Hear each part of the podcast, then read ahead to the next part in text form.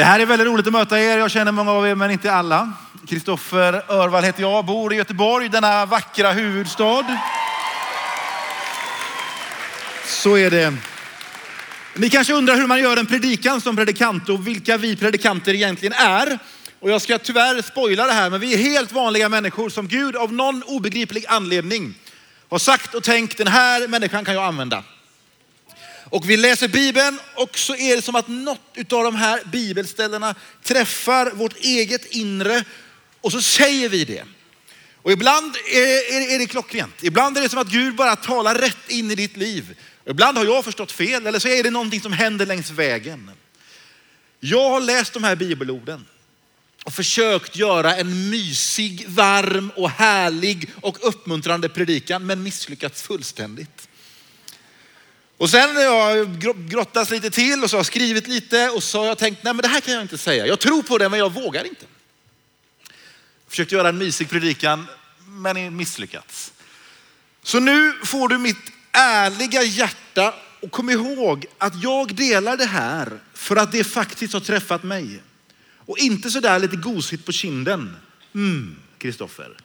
Utan Gud har form, tror jag nästan bokstavligt tryckt in sin armbåge i min sida och sagt, du rör dig åt det här hållet, men det är det här hållet du ska röra dig. Så om du upplever en hand eller en armbåge i sidan så, så är du jag med dig. Mm. Okej, okay, nu kör vi. Jag ska börja med att slå fast något som man behöver ha med sig. Det är första Mosebok kapitel 1, vers 1 till och med 3. Jag brukar läsa detta ofta. När man öppnar sin bibel så är det det här på allra första sidan som möter den.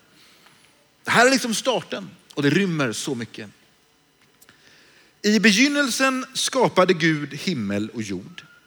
Jorden var öde och tom och mörker var över djupet. Och Guds ande svävade över vattnet. Gud sa, var det ljus? Och det blev ljus.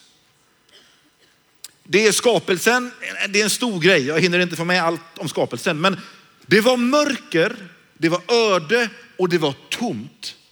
Och Guds ande rörde sig och Gud talade och det blev ljus. När Guds ande rör sig så kan till och med inget, alltså det som inte ens fanns, ur mörkret, det djupaste mörkret, så kan Guds ande och Guds ord skapa allt. Det kan hända när Guds ande rör sig och när Gud talar. Ha med dig det i den här predikan. Nu ska jag läsa denna text som har ställt till det för mig i en månads tid. Matteus kapitel 10, vers 38 och 39. Det är Jesus som talar. Den som inte tar sitt kors och följer efter mig är inte värd att tillhöra mig. Den som finner sitt liv skall mista det och den som mister sitt liv för min skull, han ska finna det. Det här är starka ord. Inte värd att tillhöra mig. Det finns alltså ett kors som vi ska bära, som om vi inte bär det så är vi inte värda att tillhöra Jesus. Det här är inte det man säger på första dejten. Det här är liksom inte det där man, när chipsskålen är framme. Utan nu är det allvar. Jag tror att du kommer uppleva det ikväll. Jag vill börja med att säga vilket kors jag tror det här inte handlar om. För frågan är ju vad är det för kors vi ska bära? Om du vill följa Jesus, vara en av hans lärjungar, vad är det för kors vi behöver bära? Det finns ett kors och det är det korset som ställer dig inför Gud, som rör din person inför Guds närhet. Och det är det korset som Jesus bär. Alltså det som gör dig helig, det som gör dig fri från synd, det som ger dig rätt att överhuvudtaget närma dig Gud. Det är bara Jesu kors som kan göra det. Det är bara hans nåd. Jag ska läsa några bibelord. Johannes kapitel 1, vers 12. Men åt de som tog emot honom gav han rätten att bli Guds barn. åt alla som tror på hans namn. Tog emot och tror. Efesierbrevet kapitel 2, vers 8. Ty av nåd är ni frälsta genom tron. inte av er själva. Guds gåva är det. Det finns bara ett kors som ställer dig i Guds närhet. Och det är inte din prestation. Det är inte det som du kan ta och bära genom att ta viktiga beslut och leva på ett väldigt kristet sätt. Det kommer aldrig ställa dig i Guds närhet. Det är bara Jesu kors som kan göra det. Och för dig som har misslyckats en del i livet så är det här väldigt goda nyheter. För vet du, det enda som ställer dig inför Guds ansikte, i hans närhet, det är det korset som Jesus bär. För dig som har trott att ja, men om jag gör så här då, om jag lever så här, kommer jag inte lite närmare då? Så är det här tuffa nyheter. Jag ska läsa i första Korinthierbrevet kapitel 3, vers 16 och 17. Om just Guds närhet. Förstår ni inte att ni är Guds tempel och att Guds ande bor i er? Om någon förstör Guds tempel ska Gud förgöra honom, ty Guds tempel är heligt, heligt och ni är det templet. I Romarbrevet kapitel 5, vers 5. Och hoppet sviker oss inte, ty Guds kärlek har ingjutits i våra hjärtan genom att han har gett oss den heliga anden. När du sa ditt ja, eller kanske när du ikväll säger ditt ja för första gången till Jesus Kristus. När du säger ditt ja så är ju jaet bokstavligt talat en utandning, eller hur? Ja, Jesus. Vi gör det, vi talar på utandning. Och i det ögonblick och i det andetag när du sen andas in så väljer Gud själv att bo i ditt hjärta. Han gjuter in sin egen närvaro och sin ande i ditt hjärta. Du kan inte prestera, du kan inte göra någonting. Det enda du kan göra det är att säga ja Jesus och andas in. Oavsett hur du upplever det, oavsett hur du känner det eller vad som händer så har Gud valt att bo, inte i tempel byggd av människohand, utan i ditt hjärta. Hans egen närvaro är ingjuten rätt i ditt hjärta. Det är definitionen av närhet. Att någon är i någon, det är närhet. Sen kan vi leva olika nära Guds plan. Vi kan på något sätt ha en relation som är nära i den bemärkelsen att man delar mycket. Men när du säger ja Jesus så fyller han ditt inre och det är ingjutet och det är fast. Det betyder att det korset det här handlar om, det är inte en serie andliga övningar av bibelläsning, böneplaner, av evangelisation, av olika saker som på något sätt för dig närmare Gud. Det är inte det korset det handlar om. För korset som för dig närmare Gud, det är Jesu kors.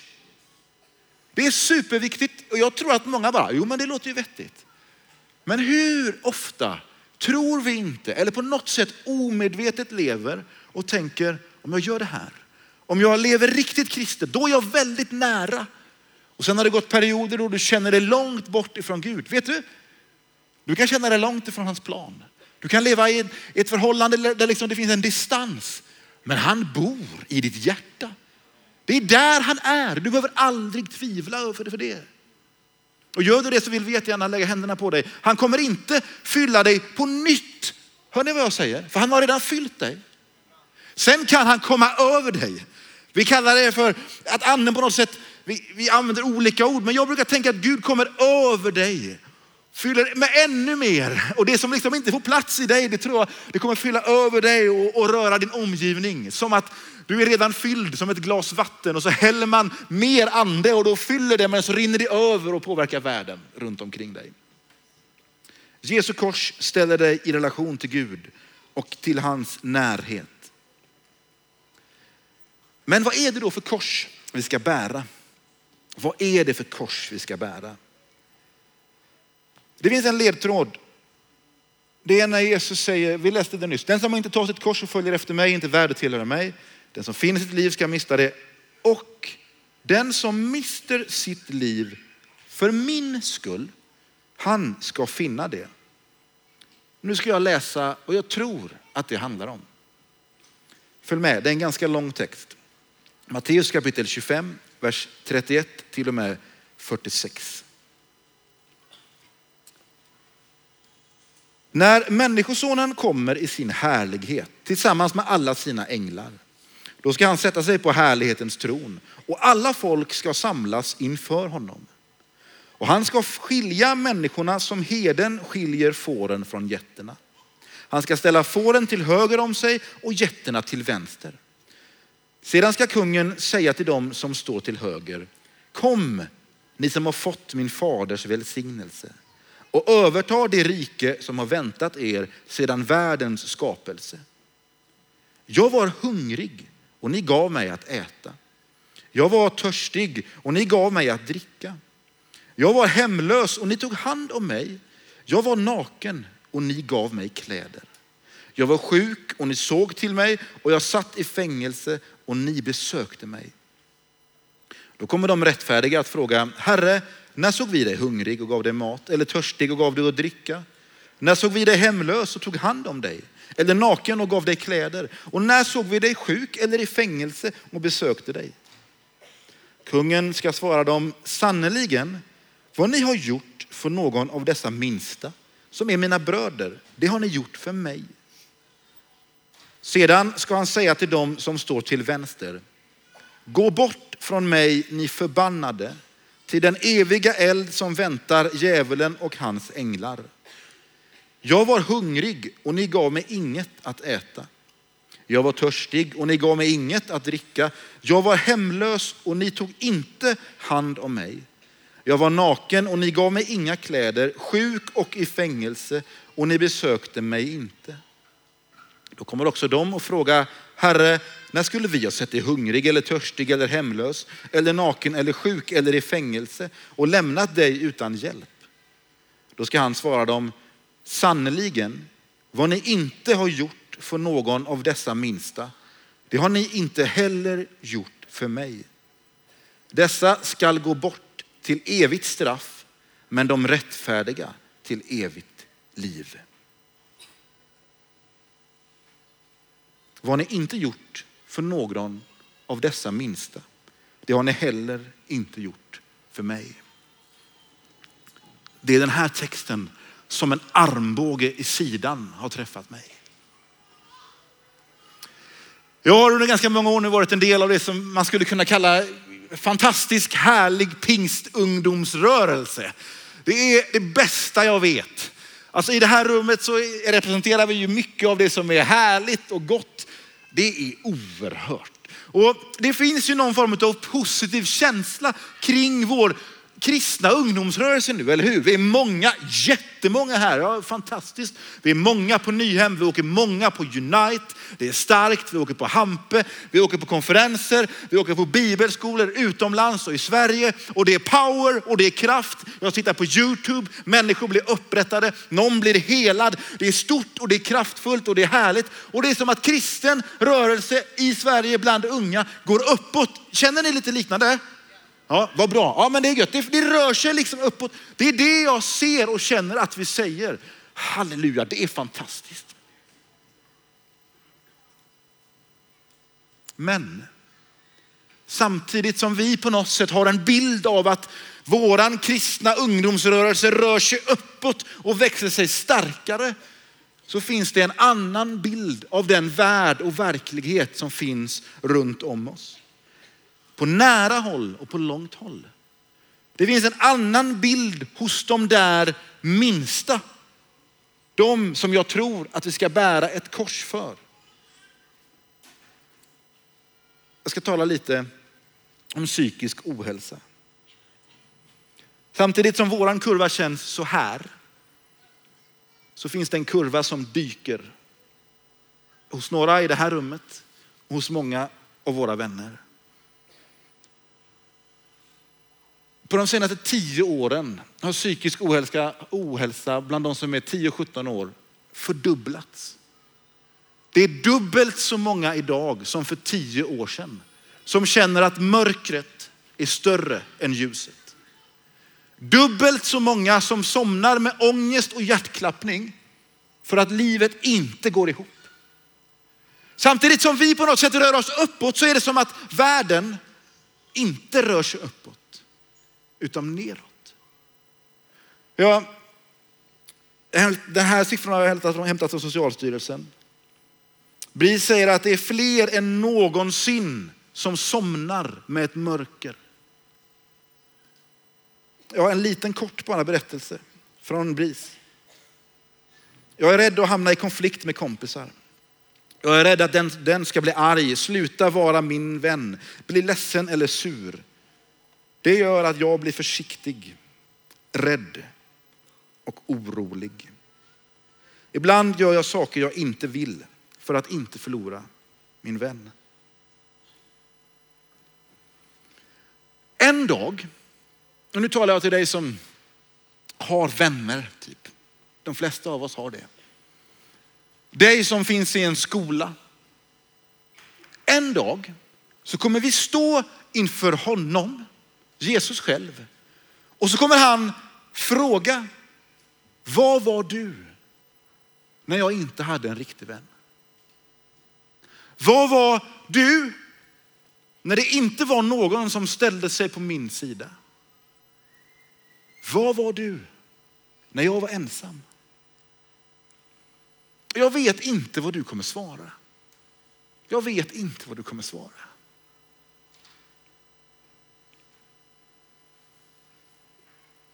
Det finns en text om en fest där vi är inbjudna till en bröllopsfest. Bröllopsfest på något sätt det här stora härliga. Jag ska inte läsa allt men det är Lukas kapitel 14. Jag läser en liten bit. En man skulle ha en fest och bjöd många gäster. När festen skulle börja skickade han sina tjänare att säga till de inbjudna, välkomna, allt är färdigt. Men alla hade de någon ursäkt att komma med. En lätt hälsa, jag har köpt en åker och jag är tvungen att gå och se på den. Förlåt att jag inte kan komma. En annan sa, jag har köpt fem oxar och så vidare och så vidare och så vidare. Risken finns att du och jag lever så upptagna med vårt eget med hur vi uppfattas, med hur det går för oss i skolan eller i världen, att vi inte ser människor runt omkring oss. Och risken kan till och med vara så att vi tror att all liksom, andliga kraft och potential, den får utlopp i kyrkan. Alltså det är i kyrkan, det är på Nyhem, det är på Unite, det är där kristen tro ska hända. Och där skjuter vi in vår liksom kraftkapital. Det är där vi lyfter händerna högt och jag med. Men vet du, om vi lyfter våra händer högt på Nyhem och inte lyfter upp vår hand för den som sitter ensam i matsalen, för den som ingen pratar med. Då tror jag Gud sitter och gråter. Jag tror inte han är superimponerad av din hand om den är så här. Om du inte gör någonting för människor runt omkring dig som är den minsta. En dag kommer vi stå inför honom. Vad ni inte har gjort för någon av dessa minsta, det har ni heller inte gjort för mig. Min andra punkt är, jag skrev våra gemensamma resurser. När vi kommer till det här ämnet så är jag en sån som har zoomat ut jättelätt. Jag har tänkt att frågor om miljö och resurser, det har att göra med, ja, men det är någon miljöorganisation eller någon mindre liksom radikal samfund som driver de frågorna. Vet du, den här texten som vi nu har läst säger något helt annat. Vet ni att det finns en miljard människor som lever i absolut fattigdom? En miljard människor. Enligt Rädda Barnen så dör två och en halv miljoner barn av svält varje år. Det är två och en halv miljoner barn som dör av svält för att deras resurser inte räcker till. Det är 300 barn per timme. Var tolfte sekund nu så dör ett barn av svält. Under tiden som det tog för mig att dricka det här vattnet så dör ett barn för att den inte har vatten.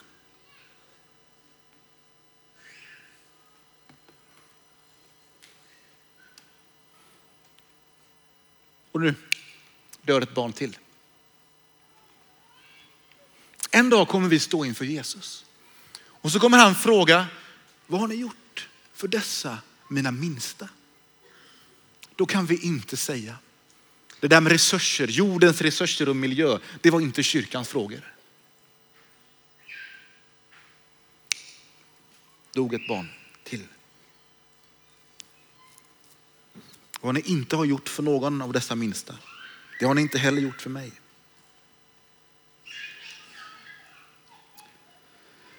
Jag skulle vilja säga någonting om de som flyr och vår situation i vårt land och i vår värld. Jag vill tala till dig som dels har ett politiskt engagemang, kanske du är med i ett parti, jag bryr mig inte om vilket. Kanske ska du vara med och rösta nu i, i höst.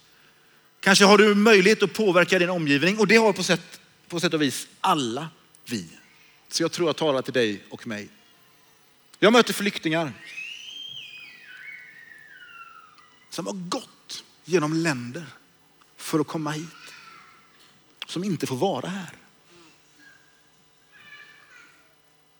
Jag möter mammor som inte får reda på om de kan få bygga en framtid och ett hopp. Om de ska tillbaka till ett land där de är förtryckta. För att vi är rädda för systemkollaps.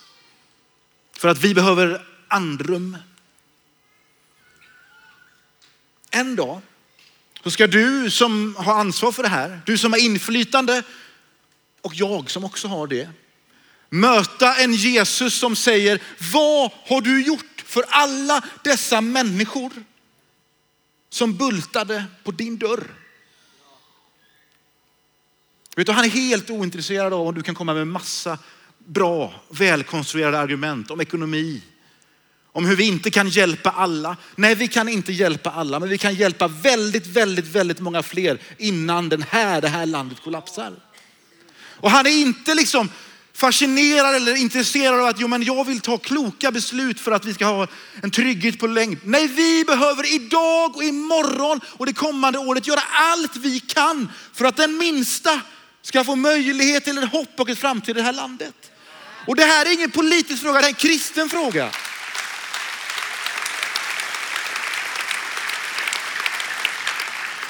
Det här är en kristen fråga. Det du gör för mina minsta, det har du gjort för mig, säger Jesus. Och jag måste bara säga någonting, nu är det så. Jag vet att en del tänker så här, vad många muslimer som kommer. Och jag hör ibland och läser ibland kristna som skriver, vad kommer hända när Sverige blir muslimskt?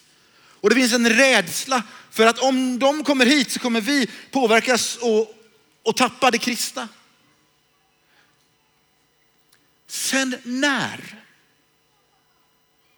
har kristen tro inte vunnit över alla sammanhang? Sen när ska vi vara rädda? Sen när behöver vi vara rädda för att någon annan tror något annat? Vad står det i Matteus kapitel 28? Gå därför ut i hela världen och gör alla folk till lärjungar. Det är hur bra som helst. Om folket kommer hit, desto fortare kommer de bli lärjungar.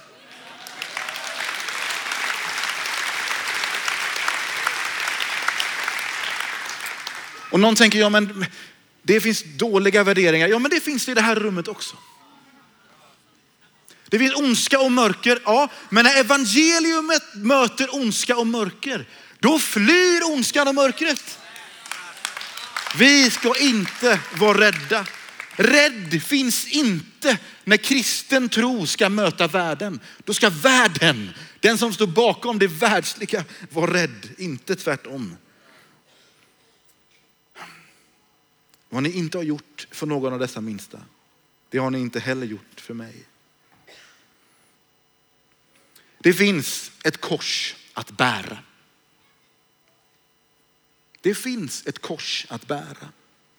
Och det korset, det är att låta nöden för den minsta kosta allt.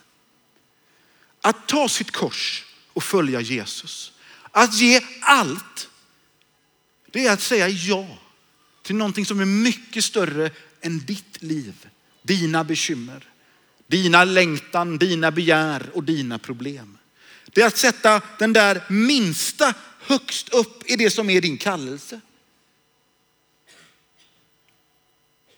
Jag vet att det inte är jättemuntert i rummet nu. Att någon sitter hemma och tänker det här var inte pepp. men jag sa ju det. Kommer ni ihåg vad jag läste i början? Det var mörkt och det var öde och det var tomt. Och så rörde sig Guds ande och så sa Gud någonting och då blev det ljus. Så om du sitter där och känner nu blev det mörkt och nu har Gud på något sätt uppenbarat och talat till mig att jag har fullt upp och var superkristen så jag har inte hunnit. Om Gud har gjort det, sagt det, vet du nu är det dags att låta det där ordet från honom få konsekvens i ditt liv. Att det blir ljus. Ja, jag vill läsa Romarbrevet 5 och 5. Jag tycker det är vackert och hoppet sviker oss inte. Igen alltså. Ty Guds kärlek har ingjutits i våra hjärtan. Genom att han har gett oss den helige ande. En dag ska vi alla stå inför honom. Vill du stå och säga, ja, jag såg mina klasskompisar mer än jag såg allt mitt eget. Ja, jag såg världens behov mer än jag såg kyrkans behov. Ja, jag levde mer för den minste än för mina projekt. Ja, jag gjorde någonting när det kom till världens resurser. Jag tänkte på vilka kläder jag handlade, jag tänkte på hur jag semestrade. Jag gjorde någonting och uppmuntrade dem som gjorde ännu mer. Ja, jag lät det kosta både trygghet, pengar och bekvämlighet. För jag tog emot dig Jesus. När alla andra ropade nej, andrum, så sa jag, jag tror på människor. Jag tror på ett öppet samhälle, jag tror på välkomnande. Ja, det gjorde jag. Jag såg den minste. Jag vill ta mitt kors och följa dig. Och det kommer få kosta. Vill du säga det jaet? Jag vet inte hur du vill formulera det. Kanske behöver du säga förlåt Gud för att jag har sett mitt eget framför den minstes. Och då förlåter han dig med full nåd, liksom han har gjort mig när han gav mig den där armbågen i sidan. Men säg ett ja. Ta ett kors och låt det kosta för den här världens skull. Och Jesus kommer säga till dig då, kom du som har fått min faders välsignelse och övertar det rike som har väntat er sedan världens skapelse. Jag var hungrig och ni gav mig att äta. Jag var törstig och ni gav mig att dricka. Jag var hemlös och ni tog emot mig. Jag var naken och ni gav mig kläder. Jag var sjuk och ni såg till mig. Jag satt i fängelse och ni besökte mig. Amen. Låt oss be vänner. Gud, vi vill ta vårt kors och följa dig. Och vi vill det för att det finns människor i vår närhet och i vår omvärld som är de där minsta.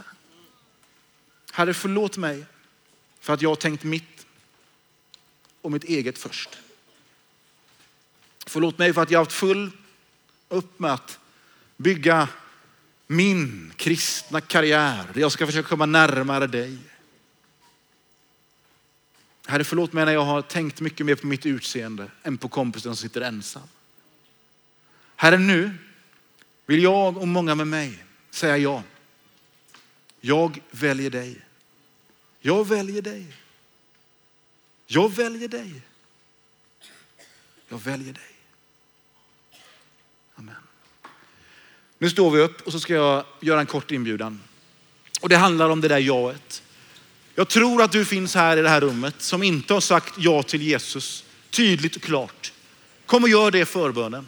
När du andas in efter det där ja Jesus, då fyller han dig med sin nåd, sanning och ande. Fantastiskt. Och sen är jag helt övertygad om att du finns här som har rört dig i din egen riktning och inte i den minsta människans riktning. Vet ni, världens hopp det är att du bestämmer dig ikväll och säger, jag är med. Och ja, det kommer kosta bekvämlighet, kanske pengar. Ja, jag vet inte vad det kommer kosta, men jag kommer göra någonting. För människors skull, för den minsta skull. Nu går vi till förbönen.